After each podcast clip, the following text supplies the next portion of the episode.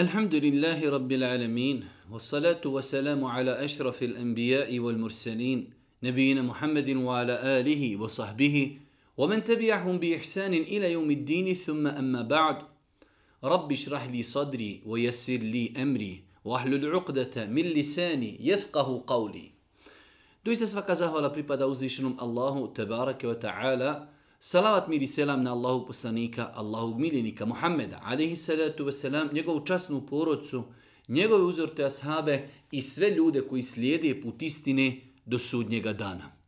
Uvažena braćo, poštovane sestre, uvaženi gledatelji, evo nas u još jednoj emisiji, još jednom predavanju u kojim se družimo sa odabranim kuranskim ajetima. Kao što znate, mi se od mjeseca Ramazana družimo sa odabranim kuranskim ajetima. U početku smo uzimali, u svakoj emisiji smo obrađivali odabrane kuranske ajete iz jednog džuza. Nakon toga smo prošli, prešli na drugu metodu, a to je da pokušavamo da u svakoj emisiji odaberemo ajete iz jedne sure i da ih kratko komentarišimo. Večeras, evo, ako Bog da, družimo se sa odabranim ajetima sure El Qasas. El Qasas kazivanja. Ova sura je 28. sura po redoslijedu mushafa, onako kako mi danas imamo mushaf. Mi se evo danas i sutra, ako Bog da, eh, približavamo kraju druge trećine Kur'ana, odnosno 20. džuza. Hvala uzvišom Allahu subhanu wa ta'ala, ostaje nam još 10 džuzeva ili 200 stranica do kraja Kur'ana. Znači, večera se družimo sa odabranim ajetima sure El Qasas, a to je 28. sura u Kur'anu. Ova sura je 49. sura po broju sura koje su objavljivane, jer više puta smo govorili, velik broj ljudi to ne zna, da e, sure su objavljivane shodno vremenu i prostoru potrebi kao odgovor na određena dešavanja i događaje za vrijeme Božih poslanika, Allahu poslanika ali se letu selam naređivao je ashabima gdje će koji ajet upisati i gdje će koju suru uvrstiti. Ova sura je objavljena nakon sure Neml, a nakon e, nje je objavljena sura El Isra. Ova sura ima 88 ajeta i po mišljenju uh, većinskog dijela islamskih učenjaka, ova sura je objavljena u Mekki. Mi nećemo više ponavljati jer smo doista dosta puta ponovili zbog bitnosti tematike, spomenuli smo velike razlike između e, objave u Mekki i objave u Medini. E, sama ova sura, njeno ime El Qasas, dobila je ime e, po ajetu u kojem E, Musa alaihi salatu wasalam kada dolazi u Medjen kod svoga punca, budućeg punca, velik broj učenjaka kaže da je to Šuaib alaihi salatu wasalam kada mu je ispričao šta se sve desilo, kasa alaihi l'kasas, kada mu je ispričao ono što, što se sve desilo sa njim, znači e, prije toga, pa je zbog toga ova sura i dobila, dobila naziv kasas, kazivanje. Interesantno je, interesantno je zapažanje e, Sejid Kutuba u njegovom tefsiru kada govori o ovoj suri, šta su, kaže, osnovne pouke i odnosno osnovni, osnovni e, principi e, koji se uči i uzimaju iz ove sure, pa nam kaže Sejid El Kutub, ova sura je objavljena u Mekki, Objavljena je u periodu kada su muslimani bili slabašni, a kada su kurejšije bile nadmoćne. Znači, pazite, čak i, i, i taj moment je mnogo bitan šta sura poručuje ljudima u vremenu u kojim se oni trenutno nalazi. Pa period Mekke je period kada su muslimani bili slabašni, a kurejšije su imale fizičku i ekonomsku nadmoć nad muslimanima. Kaže Sejdel Kutub, ova sura je objavljena da bi postavila ispravne parametre šta je to prava snaga i šta su to prave vrijednosti. Jedno izuzetno interesantno zapašanje, kaže sura El Qasas, je objavljena da bi ljude u tom periodu mekanskom podučila šta je to prava stva, snaga i šta su to pravi kvaliteti i vrijednosti. Pa nastavlja i kaže... Sura je objavljena da bi potvrdila da je istinska snaga i jedina snaga koju treba respektovati i poštovati snaga uzvišenog Allaha subhanu wa ta'ala, a s druge strane da je istinska vrijednost, vrijednost vjerovanja u Allaha subhanu wa ta'ala.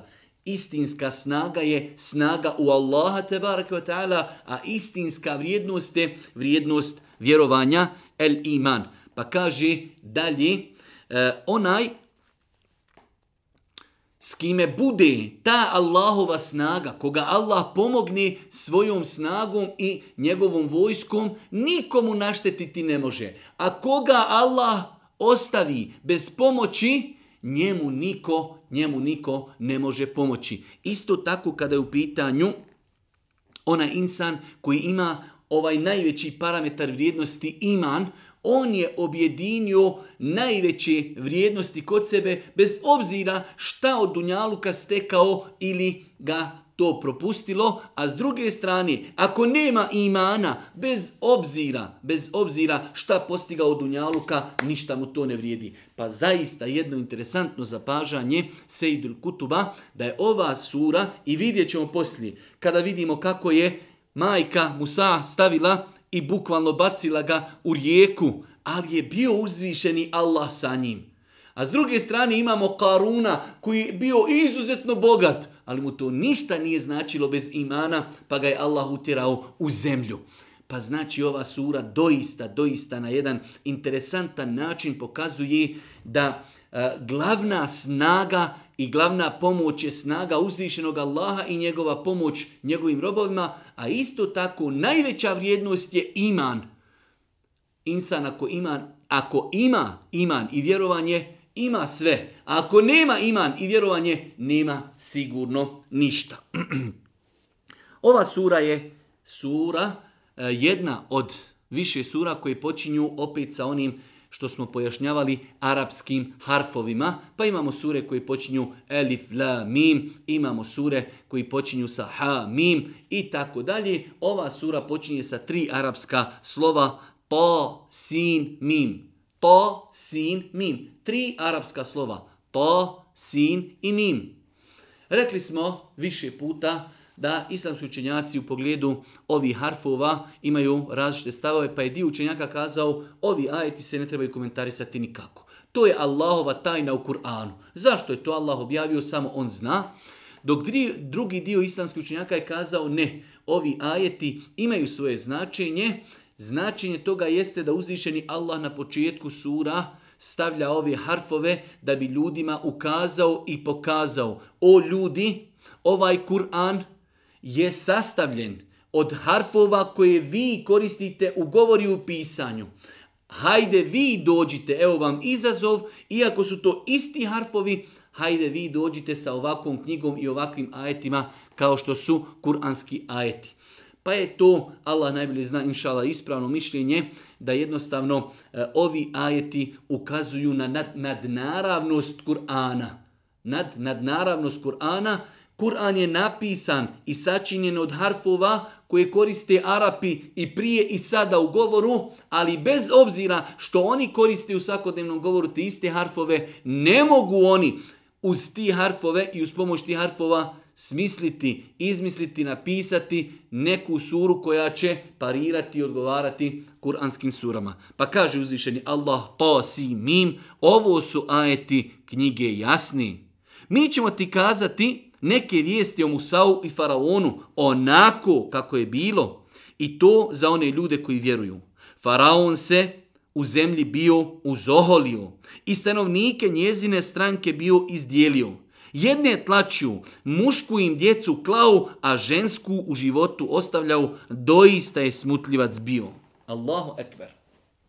Uziši Allah sve počinjenjam ovu suru, suru El Qasas, govoreći nam onome što se desilo između Musa alihi salatu wasalam i Faraona. Mi smo kazali da e, na dosta mjesta u Kur'anu, više možda od deset mjesta, Allah Žešanu govori o Musau, alihi salatu wasalam, i onome što se dešavalo između njega i Faraona. U ovoj suri kaže uzvišeni Allah subhanahu wa ta'ala netlu alike min nebe i Musa o Firaune bil haqq mi ćemo ti kazati kako se to zaista desilo. Istina, ovo je apsolutna istina kada je u pitanju dešavanje i događaj između Musa alihi salatu wasalam i Faraona. A za koga? Za one ljude koji vjeruju. Za one ljude koji vjeruju u Allaha, koji vjeruju da je Muhammed alihi salatu wasalam njegov poslanik, da Muhammed alihi salatu wasalam ne govori po hiru svome, već je to objava koja mu se objavljuje.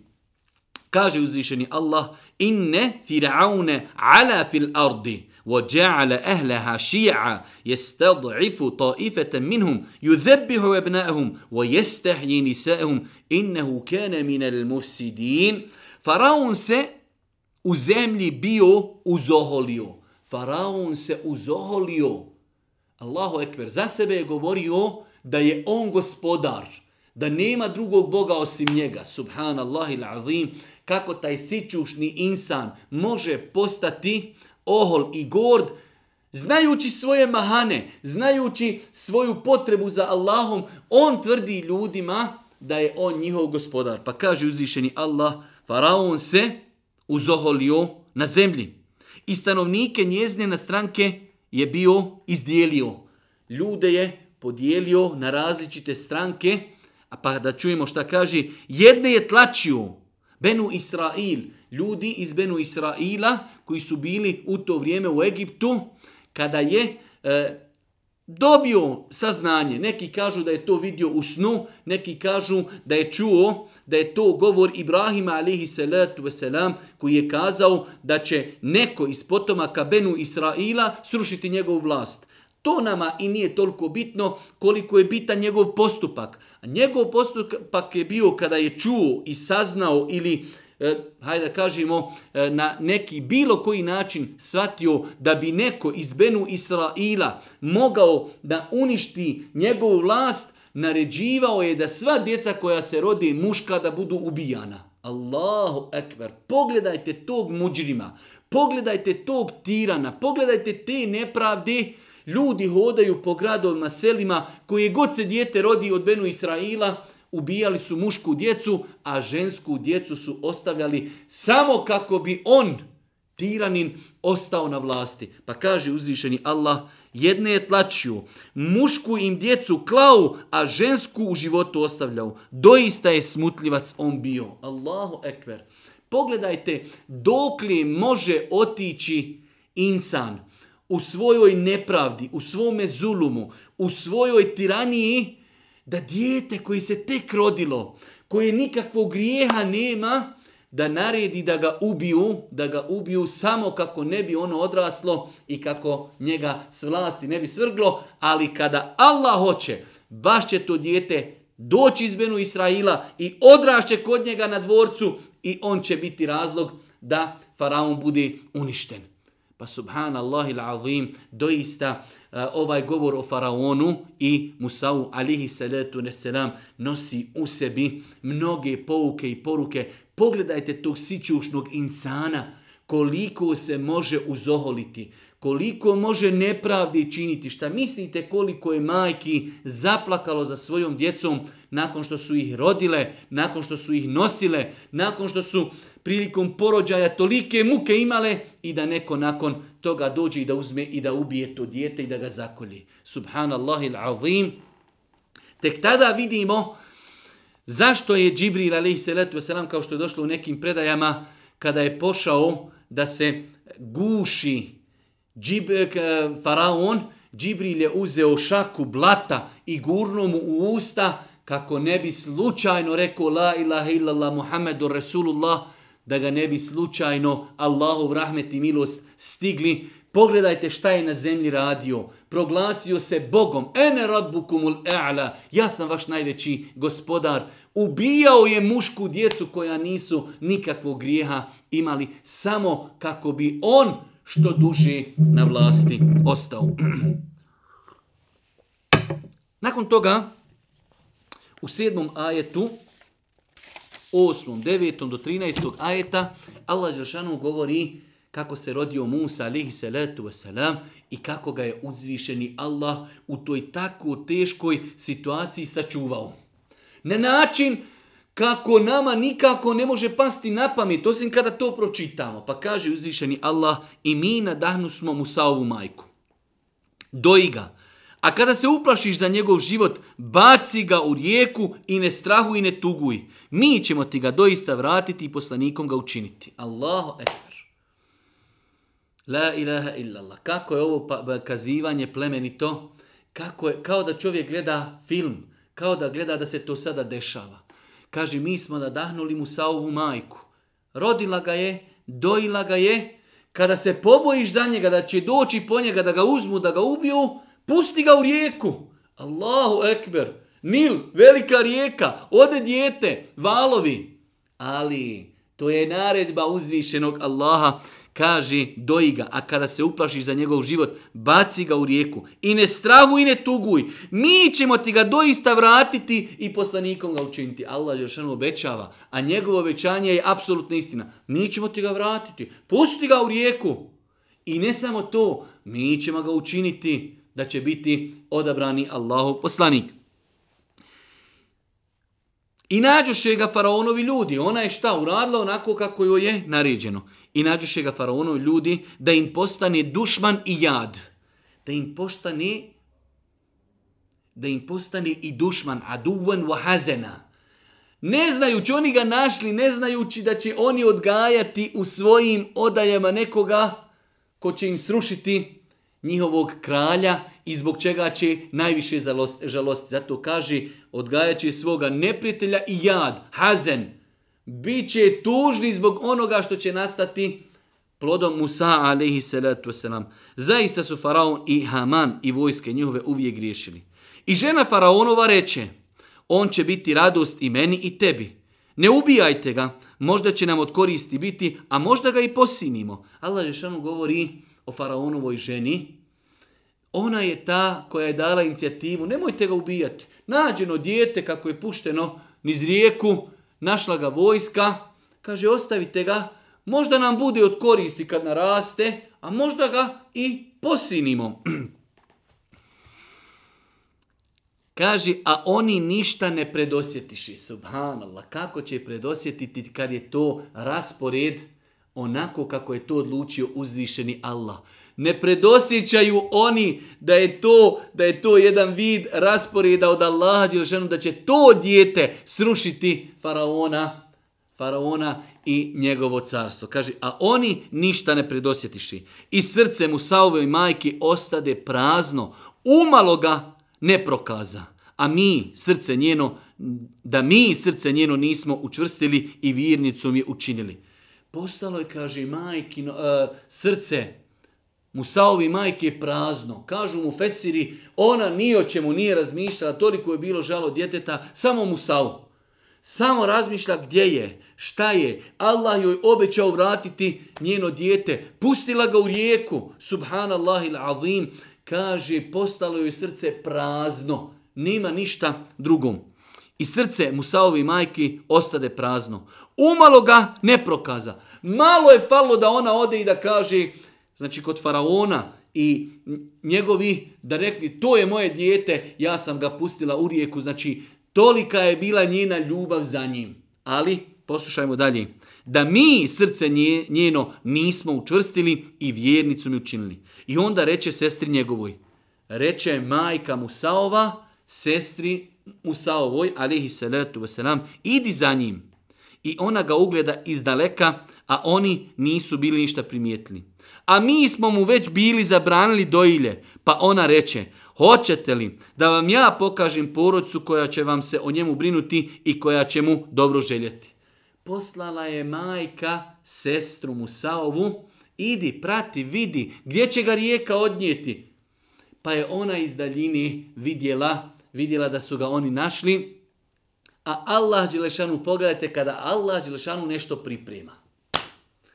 Kada smo govorili o Jusuf alihi salatu wasalam, bačen u bunar, ali ga Allah priprema za nešto veliko. Bačen u zatvor, ali ga Allah priprema za nešto veliko. Kralj za vrijeme Jusuf alihi salam vidio sedam krava, ne zna niko protumačiti. Allah priprema nešto za Jusufa. I ovdje, Allah Đelešanu zabranio Jusufa da zabranio, neće Musa, ne selam da jede mlijeko ni jedne ženi. Dovedi koliko hoćeš žena koje su imale mlijeka, neće ni jedno. Tada dolazi na senu njegova sestra i kaže, hoćete li da vam ja ukažem na jednu ženu, nek proba kod nje da jede.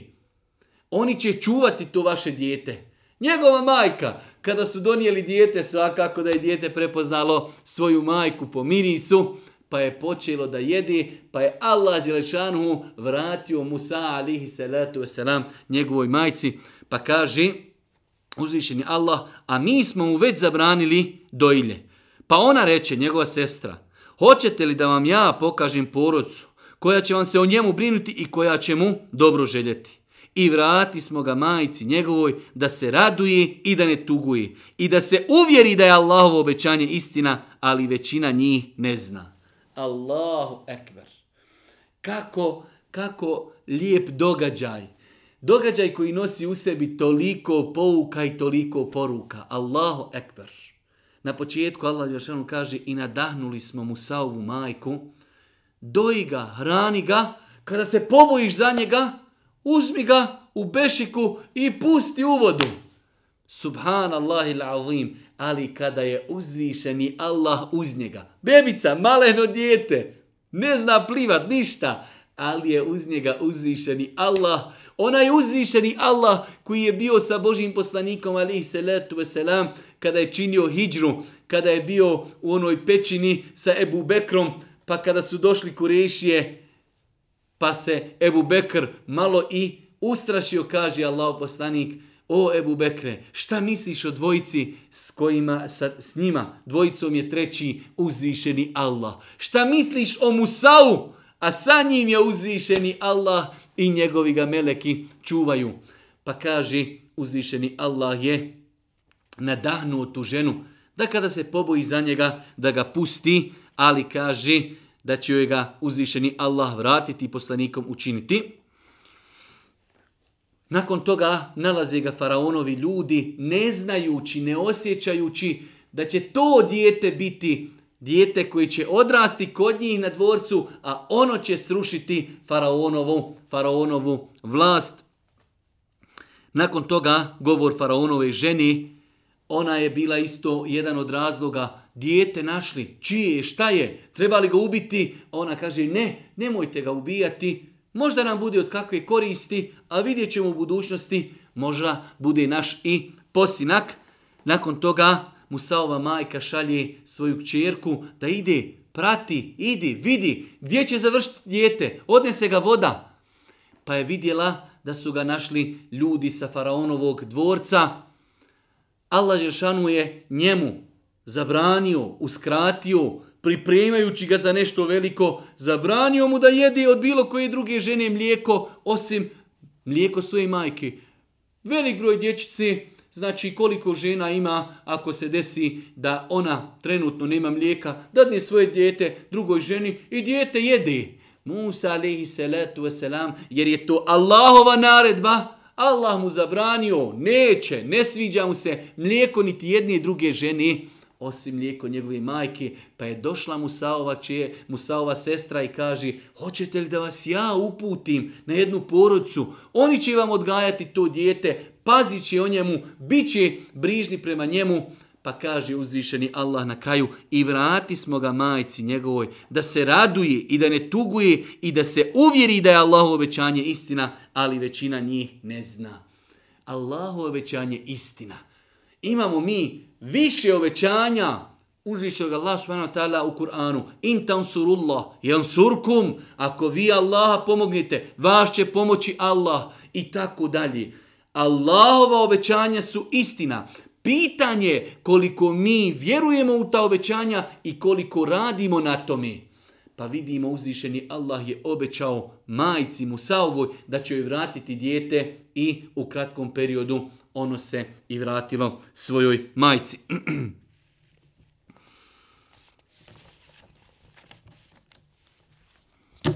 Nakon toga, e, sura Qasas govori o tome kako je Musa alaihi salatu wa salam ubio čovjeka.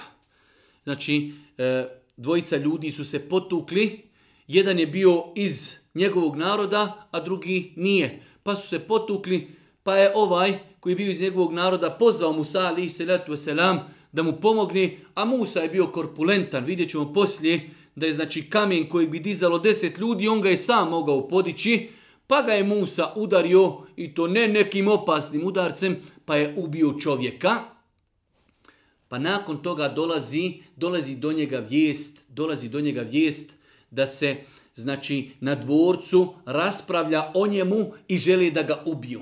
Pa kaže uzvišeni Allah, وَجَاءَ رَجُلٌ مِنْ أَقْصَ الْمَدِينَةِ يَسْعَ Došao je čovjek s drugog dijela grada, trčeći, žureći, želi da nešto kaže Musau. Pa kaže, ja Musa, kale ja Musa, innel mele je temirune bike li O Musa, velikani, glavešine na dvoru, razgovaraju, dogovaraju se o tebi, žele da te ubiju. Fahruđ. Rješenje je sad Musa. Izlazi, otiđi iz Egipta, idi gdje hoćeš, samo napusti Egipat. Fahruđ inni leke minen nasihin. Idi, ja sam ti doista otvoreni prijatelj i ahbab, savjetnik. Znam šta sam čuo, čuo sam, želi da te ubiju, idi, napusti Egipat napusti ovo mjesto. Nakon toga, Kur'an nam govori o jednoj novoj fazi Musaovog života, a to je njegov odlazak u Medjen. Medjen, kao što kažu historičari, to je jedna, je jedno mjesto blizu e, Tebuka. Blizu Tebuka, kažu, e, grad se zove, grad se zove Bedar. 220 km od Tebuka eh, u sjeverozapadnom dijelu Saudijske Arabije prema Jordanu. Zove se grad El Beder. 220 km od Tebuka eh, mjesto koje se prija historijski zvalo Medjen. Pa je Musa alaihi salatu wasalam iz Egipta otišao u pravcu Medjena pa da čujemo to znači njegov odlazak u to mjesto. وَلَمَّا وَرَدَ مَا أَمَدْيَنَ وَجَدَ عَلَيْهِ أُمَّةً مِنَ النَّاسِ يَسْقُونَ I kada se uputi prema Medjenu, on reče, gospodar moj će mi pokazati pravi put. A kada stiže do vode Medjenske, zateće oko nje mnoge ljude kako napajaju stoku. A malo podalje od njih ugleda dvije žene koje su svoju stoku od vode odbijale. Šta vi radite, upita Musa mi ne napajamo dok čobani ne odu, odgovoriše one. A otac nam je veoma star čovjek i on im je napojio stoku, a onda ode u hladovinu i reče, gospodaru moj, ma kakvu mi hranu dao, zaista sam gladan i mnogo mi je potrebno. I jedna od njih, dvije dođe mu, posli, idući stidljivo, reče, otac moj te zove da te nagradi zato što si nam stoku napojio i kada mu on dođe i kaza mu šta je doživio, on mu reče, šuajb, ne strahuj, spasio si se naroda koji ne vjeruje. O oče moj, reče jedna od njih, uzmi ga u najam, najbolje da unajmiš snažnog i pouzdanog.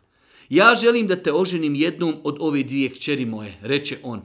Ali trebaš me osam godina služiti. A ako deset napuniš, Biće dobra volja tvoja, a ja ne želim da te na to silim. Ti ćeš vidjeti ako Bog da, da sam dobar. Neka bude tako između mene i tebe, reče Musa, koji god od ta dva roka ispunim, nema mi se šta prigovoriti, a Allah je jamac za ono što smo utanačili. Allahu ekver. Kako jedna lijepa scena u suri El Kasos, koja opet nosi u sebi mnoge pouke i poruke, Jer svako ukazivanje ima nešto o čemu mi treba da razmislimo i da iz toga uzmemo pouke i poruke za svakodnevni život. Pa vratimo se kratko da pogledamo i da prokomentarišimo kratko ove ajete. Kaže uzvišeni Allah, a kada stiže Musa do, vo, do vode Medjenski. Rekli smo da je Medjen jedno mjesto, sjeverozapadni dio Saudijske Arabije, kod Tebuka, na granici između Tebuka i Medjenski e, Jordana, mjesto u današnje vrijeme se grad zove Beder. Beder, 220 km od Tebuka. A kada stiže do vode Medijenske zateče oko nje mnoge ljude kako napajaju stoku. A malo podalje od njih ugleda dvije žene koje su svoju stoku od vode odbijale. Interesantna situacija. Mjesto gdje su ljudi napajali stoku, došao je, vidio je da ljudi mnogi, pošto kažu i danas dan da e, stanovnici tih mjesta mnogo se bavi stokom, a i prija su ljudi se bavili stokom, dolazili su na mjesto gdje je bilo vode da napoje svoju stoku. Kada je on došao, vidio je neku čudnu situaciju, a to je svi ljudi su pojili stoku sin dvije djevojke koje su svoju stoku odbijale dok svi drugi odu pa će one zadnje doći ono vode što ostane da one nahrane i da napoji svoju stoku.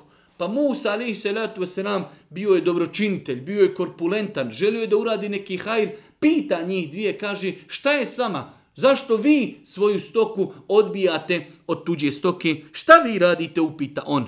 Mi ne napajamo dok čobani ne odu, odgovoriše one. A otac nam je veoma star. Mi imamo oca, on je star, muškarac, Mi smo žene, djevojke, ne želimo da se miješamo sa muškarcima, ne želimo da se guramo, slabašne smo, čekamo dok oni napoji svoju stoku, nakon toga ono što ostane, mi damo svojoj stoci. Pa je Musa, alihi salatu wasalam, kaže uzvišeni Allah, feseqa lehuma, pa je on uzeo njihovu stoku, odveo ih, pogurao se, zagrabio vode, kaže se da su ljudi znali na taj bunar staviti veliki kamen kako niko ne bi mogao uzimati vodu. Musa alihi salatu selam kao što stoju u tefsirima, sam je uzeo taj kamen, sklonuo ga je, zagrabio vode e, stoki od te dvije djevojke i vratio im njihovu stoku, one su otišle. Musa alihi salatu selam dok je došao iz Egipta, nije bio spreman za putovanje, bio je izuzetno, izuzetno e, gladan, istrošen, pa kaže, gospodaru moj, ma kakvu mi hranu dao, doista mi je potrebno. Ja, rab, samo me obskrbi. Ne znam kako i na koji način, ali mi je bitno da mi nešto daš od obskrbe, jer sam mnogo gladan. Pa uzvišeni Allah subhanahu wa ta'ala, pogledajte kako priprema Musa'u alihi salatu wa salam priliku i situaciju. Uradio dobro, a zbog tog dobra će biti nagrađen, pozvan i na večeru i oženiti se i pripremati se za ponovni povratak u Egipat. Pa kaže, jedna od njih dvije dođemo poslije, idući stidljivo i reče. Idući stidljivo, a i stidljivo reče. Jedna od one dvije djevojke kojima je on napojio stoku, dolazi stidljivo, stidljivo govori i kaže, otac moj te zove da te nagradi, zato što si nam stoku napojio. Allahu ekber. Pogledajte, pogledajte dobrih ljudi. On čini dobročinstvo njima, on je stranac, došao gladan, izmoren, musafir, oni ga zovu bujrum, dođi da te nagradimo za dobro koje si ti uradio nama. To treba da bude životna praksa svakog insana, kada mu neko uradi dobro dijelo, da se trudi, da pokuša da mu uzrati na najbolji mogući način. I kada mu on dođe i kaza mu šta je doživio, on reče, ne strahuj, spasio se naroda koji ne vjeruje. E, po velikom broju učenjaka, e, oni su zastupavali stav da je ovo razgovor između Šuajba alaihi salatu wasalam i Musa. I da je Šuajba alaihi salatu wasalam taj čovjek e, čije dvije čerke su bile bile znači na tom mjestu kada im je Musa alaihi salatu wasalam učinio uslugu i napojio stoku, iako ono koliko znam da to nije potvrđeno vjerodostojnim dokazima, ali knjige historije znači prenose da se to radilo o Šuajbu alaihi salatu wasalam, Pa kada je došao Musa ali se letu sram kod njih na ručak, na večeru, ispričao im je šta mu je se desilo. Bio sam u Egiptu, desilo se tako e, da su se dvojica ljudi potukli, ja sam jednom želio da pomognem, u svemu tome ubio sam nehotice čovjeka, pa se na dvorcu faraonovom dogovarali da mene ubiju, ja sam izbjegao, došao sam evo kod vas. Pa mu kaže, Eh, Šuaib, alihi salatu wasalam, ne strahuj, spasio se naroda koji ne vjeruje. Nakon toga, pogledajte, ove djevojke znaju da je njihov otac iznemogao star, vidjele su korpulentnost, ljepotu, ahlak, iskrenost, jačinu Musa alihi salatu wasalam, pa jedna od njih reče, o oče moj, reče jedna od njih, uzmi ga u najam, najbolje da unajmiš snažna i pouzdana uzmi ga kod nas, plati mu, nek radi, nek nam pomaže, jer vidiš da je on jak i vidiš da je povjedljiv. Kaže se u knjigama Tefsira da je otac pitao svoju čirku, a kaže kako znaš da je jak i kako znaš da je povjedljiv, kaže što se tiče snage, on je podigao kamen kojeg treba da podigne deseti, deset ljudi, treba pa da odmakne kamen da bi se došlo do bunara. Jake. A što se kaže tiče povjerenja, povjerenja, kada sam ja došla po njega da ide kod nas kući da ga nagradimo, kaže, počeo je puhati vjetar, pa se njena odjeća prelijepila za njeno tijelo, znači oslikavali se znači e, organ njenog tijela, pa Musa alihi salatu wasalam istida prema njoj, kazao je, pusti mene da ja idem prvi ispred tebe. Kako znači, ako ona ide ispred njega, pokazuje mu gdje je njihova kuća, puše vjetar, oslikava se njeno tijelo, Pa kaže Musa alaihi salatu wasalam, pusti ja ću ići prvi, a ti mi iza mene govori gdje da skrenim. Čak joj je u nekim predajama rekao, baci kamenčić, ako trebam skrenuti u neku ulicu desno, ti baci kamenčić desno, ako treba lijevo, baci kamenčić lijevo, ja ću skrenuti desno ili lijevo. E, to je nešto što ne postoji u hadisima Božijeg poslanika, već su to stvari koji su zabilježene u tefsirima, ali je tačno da je ona rekla svome ocu, iznajmi onoga koji je jak i koji je povjerljiv. A kako je ona spoznala ja njegovu jačinu i povjerenje Allah subhanahu wa ta'ala najbolje zna. Kaže nakon toga Šuajb alaihi salatu wasalam obraćajući se Musavu kaže ja želim da te oženim jednom od ove dvije kćeri. Allahu akbar. Pogledajte dobrote tog insana. Svatio je ko je taj čovjek, svatio je da je to dobar insan, da je moralan insan, kvalitetan. Kaže, ja želim da te oženim sa jednom od moje dvije kćeri. Nažalost, u današnje vrijeme roditelji mogu gledati da čerka ode sa momkom u diskoteku. Mogu gledati da ode sa njim na more. Mogu gledati da ona ode kod njega heftu dana da živi, a nisu se uzeli. Eto, žive oni taj svoj neki džahilski i zapadnjački život. Nisu se uzeli, ali su zajedno. Imaju intimni kontakte, kontakte putuju i tako dalje. Ali istim ti njemim roditeljima bila bi sramota da vide nekog moralnog, lijepog dječaka ili omladinca ili monka da mu kažu hajde sine dođi upoznaj se sa našom e, kćerkom pa možda se svidite jedno drugom, pa da je uzmeš sebi za suprugu. To bi bila sramota. Čuj to da ja ponudim svoju čerku nekomi. Nije sramota da ide u diskoteku. Nije sramota da bude trudna. Nije sramota da bludniči. Nije sramota da ne znamo gdje je. Nije sramota da ide na more. Ali je sramota da na čestan, častan i čedan način svoju čerku preporučimo nekom moralnom momku.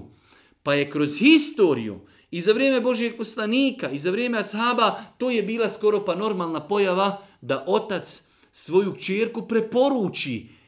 Treba dobro satiti, ne znači uzeti ženu i natirati se za nekog uda.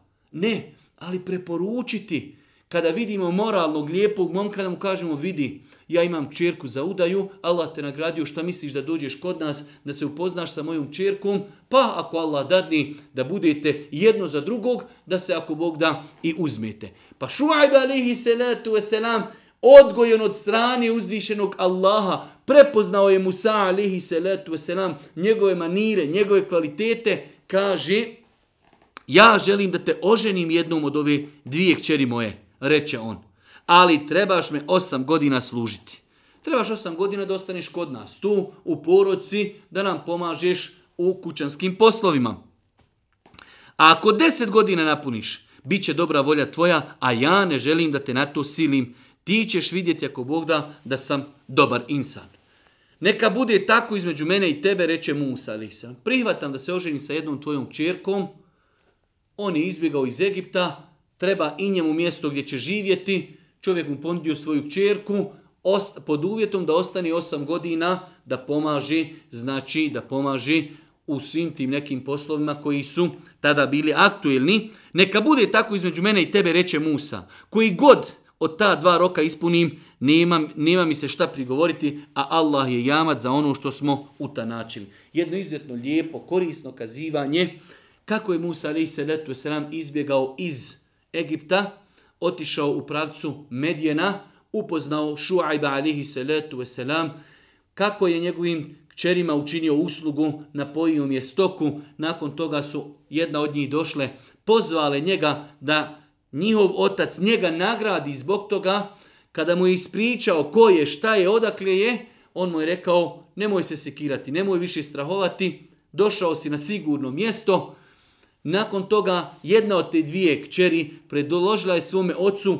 da iznajmi, da ga u najam uzme, da mu plaća dnevnicu, jer je on snažan i povjerljiv. On je se dosjetio nečega drugog. Ako je već takav, daj da mu ponudimo da se oženi sa jednom od te njegove dvije čirke, pa je to Musa alihi salatu veselam prihvatio pod uvjetom da minimalno kod njih ostane 8 godina, a ako ispuni 10 godina, to je što bi rekao neka dodatna vrijednost, pa je to Musa alihi salatu wasalam i prihvatio.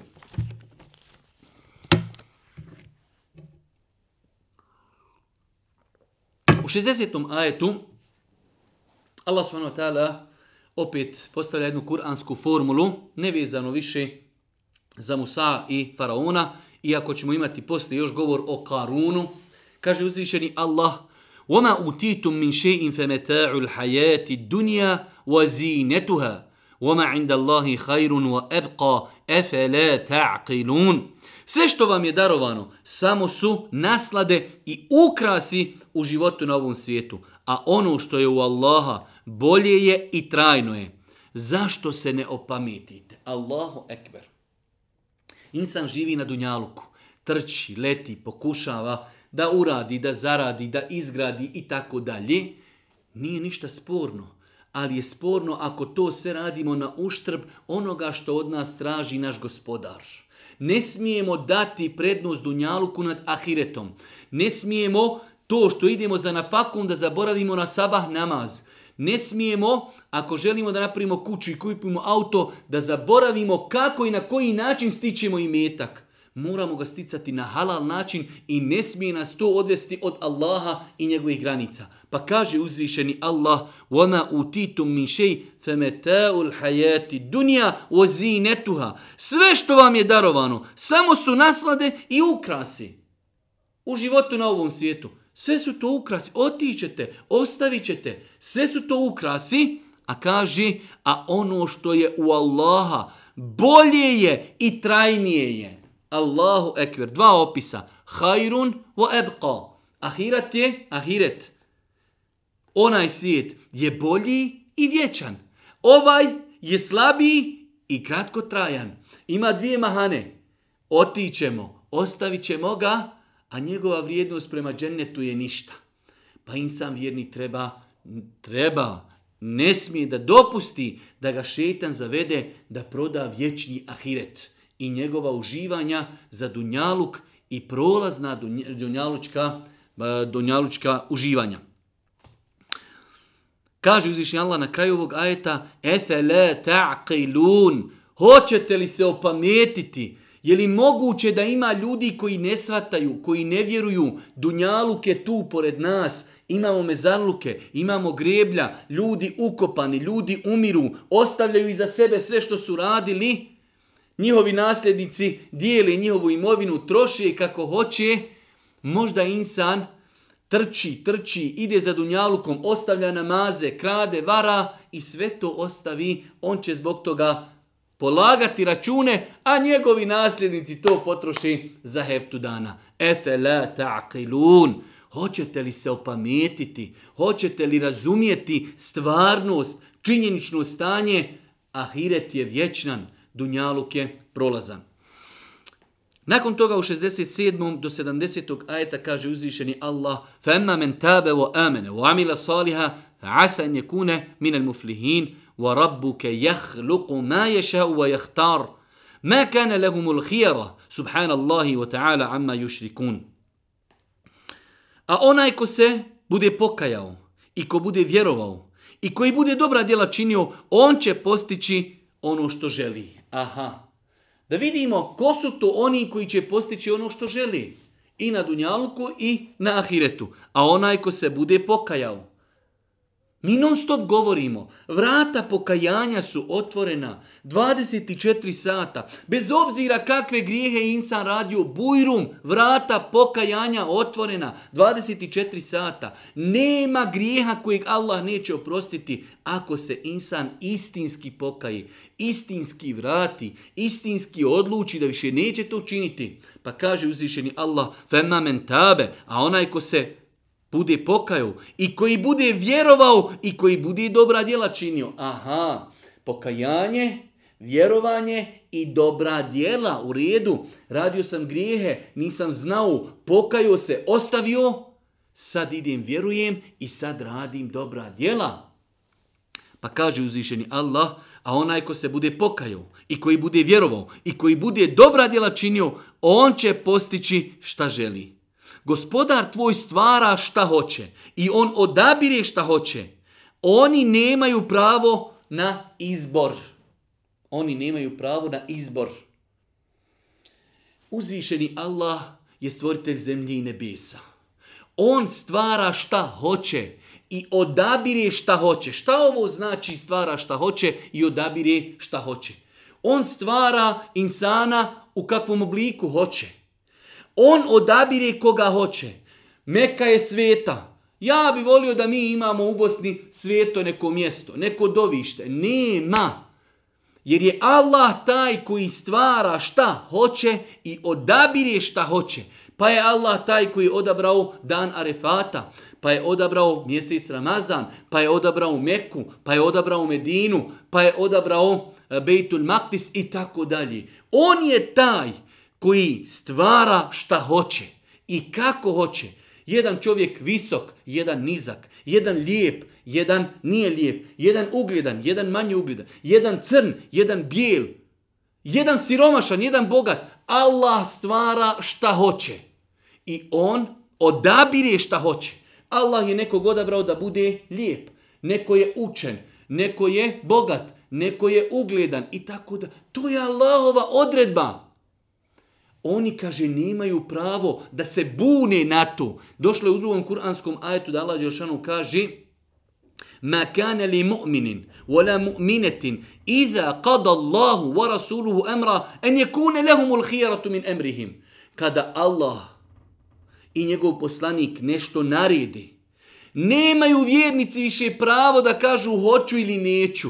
Pa ovaj ajet je veoma bitno ispravno shvatiti. Kaže uzvišeni Allah, gospodar tvoj stvara šta hoće. I on odabire šta hoće. Oni nemaju pravo više birati. Podne je četiri rekiata. Pa zašto podne četiri, a sabah, kad su u pitanju farzi, dva? Zašto akšam, tri i tako dalje? Allah je tako odredio. Zašto je ovo zabranjeno? Zašto muslimanima je zabranjena svinjetina? Zašto je muslimanima zabranjen alkohol? Zabranjen. Nema više filozofije. Tu više nema, nemamo mi pravo odabira. Mi imamo pravo, Allah Đelšan nas je stvorio da imamo slobodnu volju. Hoćeš u džamiju, hoćeš u birtiju. Hoćeš biti pokoran, hoćeš biti nepokoran. Hoćeš biti povjedljiv, hoćeš biti nepovjedljiv. To imamo pravo, ali odabirati, hoću ovaj dio vjere uzeti, a ovaj neću, et tekfu et tu'minune bi ba'd il kitabi wa tekfurune bi ba'd. Jeli hoćete da jedan dio vjere uzmete, jedan nećete? Evo prije dva dana sam objavio jedan post u kojim sam ciljano pisao o poligamiji. I onda ti dođe čovjek, ja smatram da poligamija nije za 21. stoljeće. Ama krupne riječi ljudi govori. To je Allahov govor. To je propis koji važi do sudnjeg dana. Možemo li mi, koji smo odrasli u Evropi, u Bosni, daleko od prakticiranja toga, da to shvatimo ili ne? Ma to je naš problem. To je Božji propis. Nema tu ja se slažim. Ja mislim da ovo nije za Evropu. Nemamo mi šta misliti. To je Allah tako naredio, to je tako Allah propisao. I to vrijedi i za Evropu, i za Ameriku, i za Bosnu, i za Australiju. Propisi Islama su za cijeli svijet. Ko može shvatit? Bujrum, ehlen, vesehlen. Ne može shvatit, ne vjeruje. Na svoj račun. Pa uzvišeni Allah subhanahu wa ta'ala kaže وَرَبُّكَ يَخْلُقُ مَا يَشَاءُ وَيَخْتَارُ وَمَا كَانَ لَهُمُ الْخِيَرَةُ سُبْحَانَ اللَّهُ وَتَعَلَى مَا يُشْرِكُونَ Hvalje neka je Allah i vrlo visoko iznad oni koji, e, koji s njim izjednačavaju. Znači, vraćamo se, Allah je žen taj koji stvara šta hoće. Odabiri šta hoće. Odabrao neko svog groba da bude bogat nekoga odabrao da bude učen, nekoga odabrao da bude lijep, odabrao neko mjesto, odabrao neko vrijeme, to samo ima mogućnost Allah. Zalike fadlullah, to je Allahova milost, daje kome hoće. Po tom pitanju vjernici nemaju više nikakve mogućnosti izbora. Zašto je ovaj propis ovakav, a zašto je onakav? Vjernici prihvataju vjeru kompletnu. Udhulu fi silmi kafe uđite u islam potpuno, ne nedjelimično.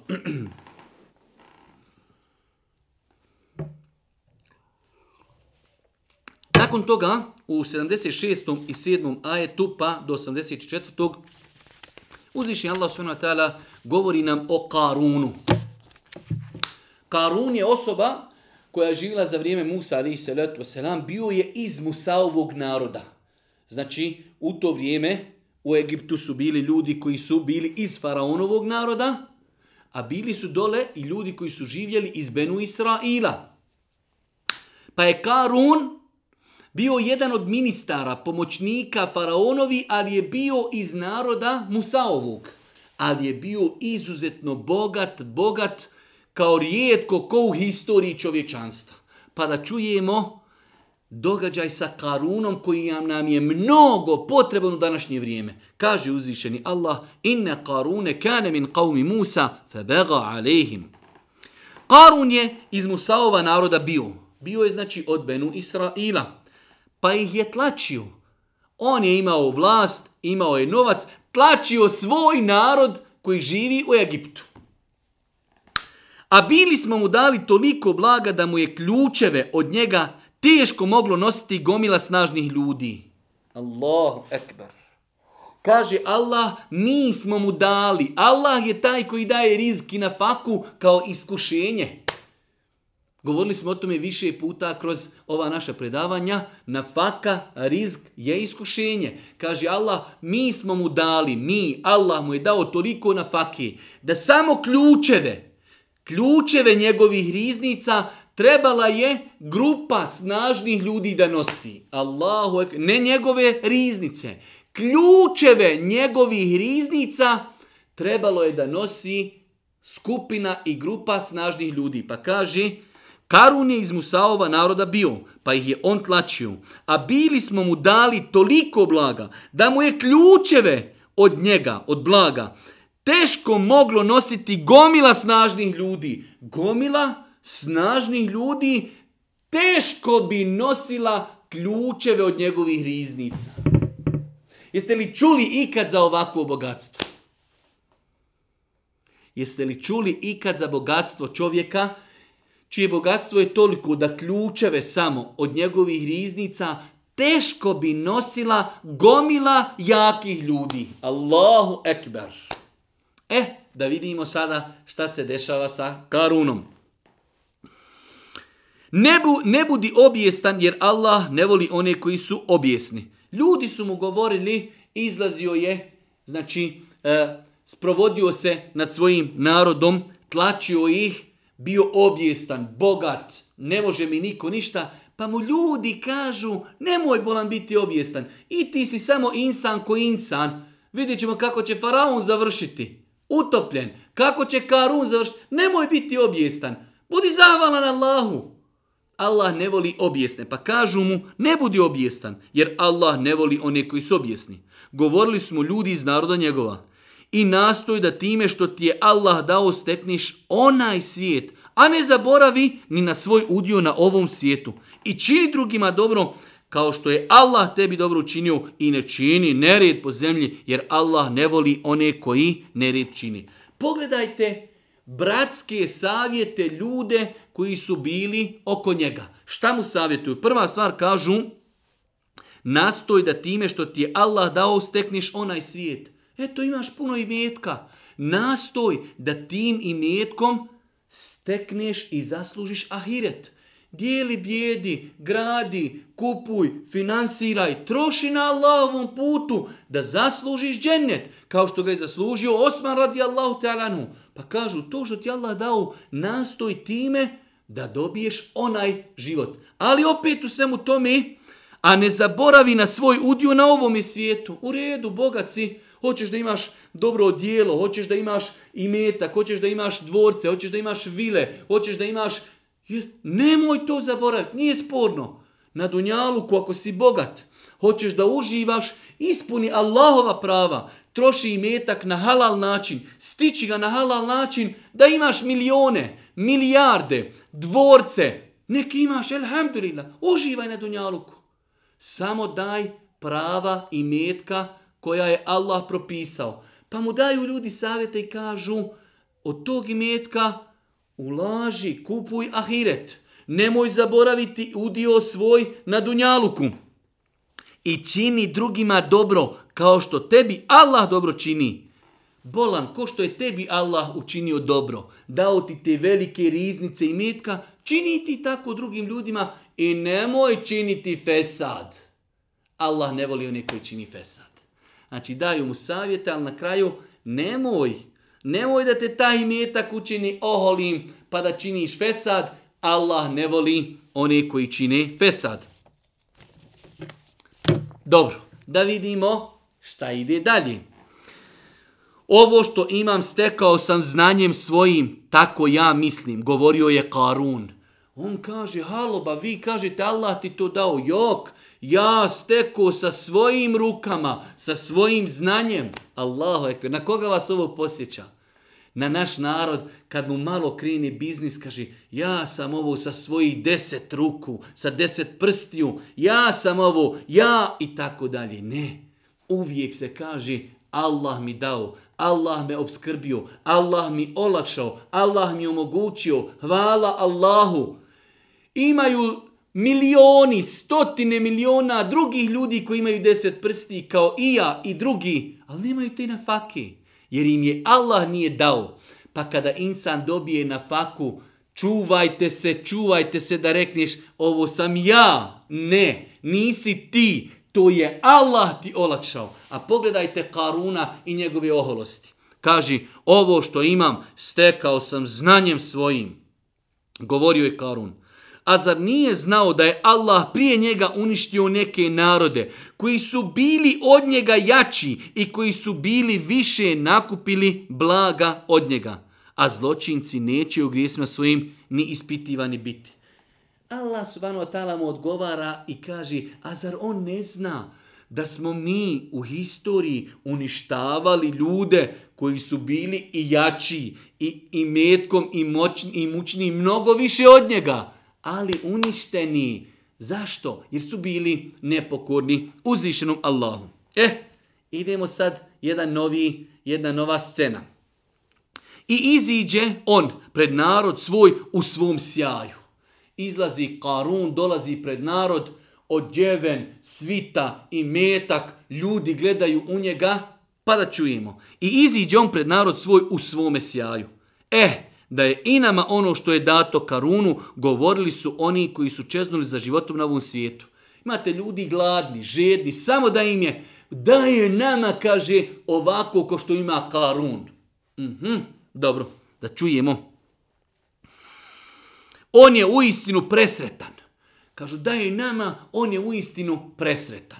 Tako i mi danas. Čovjek ima benzinsku, ima hotel, ima uh, pare, ima firmu. Da je imeni, on je sretan, kako njemu ide sve i tako dalje. Da čujemo dalje.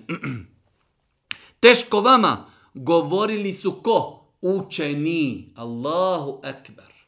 Teško vama, govorili su učeni onome koji vjeruje i čini dobra djela, bolje je Allahova nagrada, a bit će samo strpljivima pružena.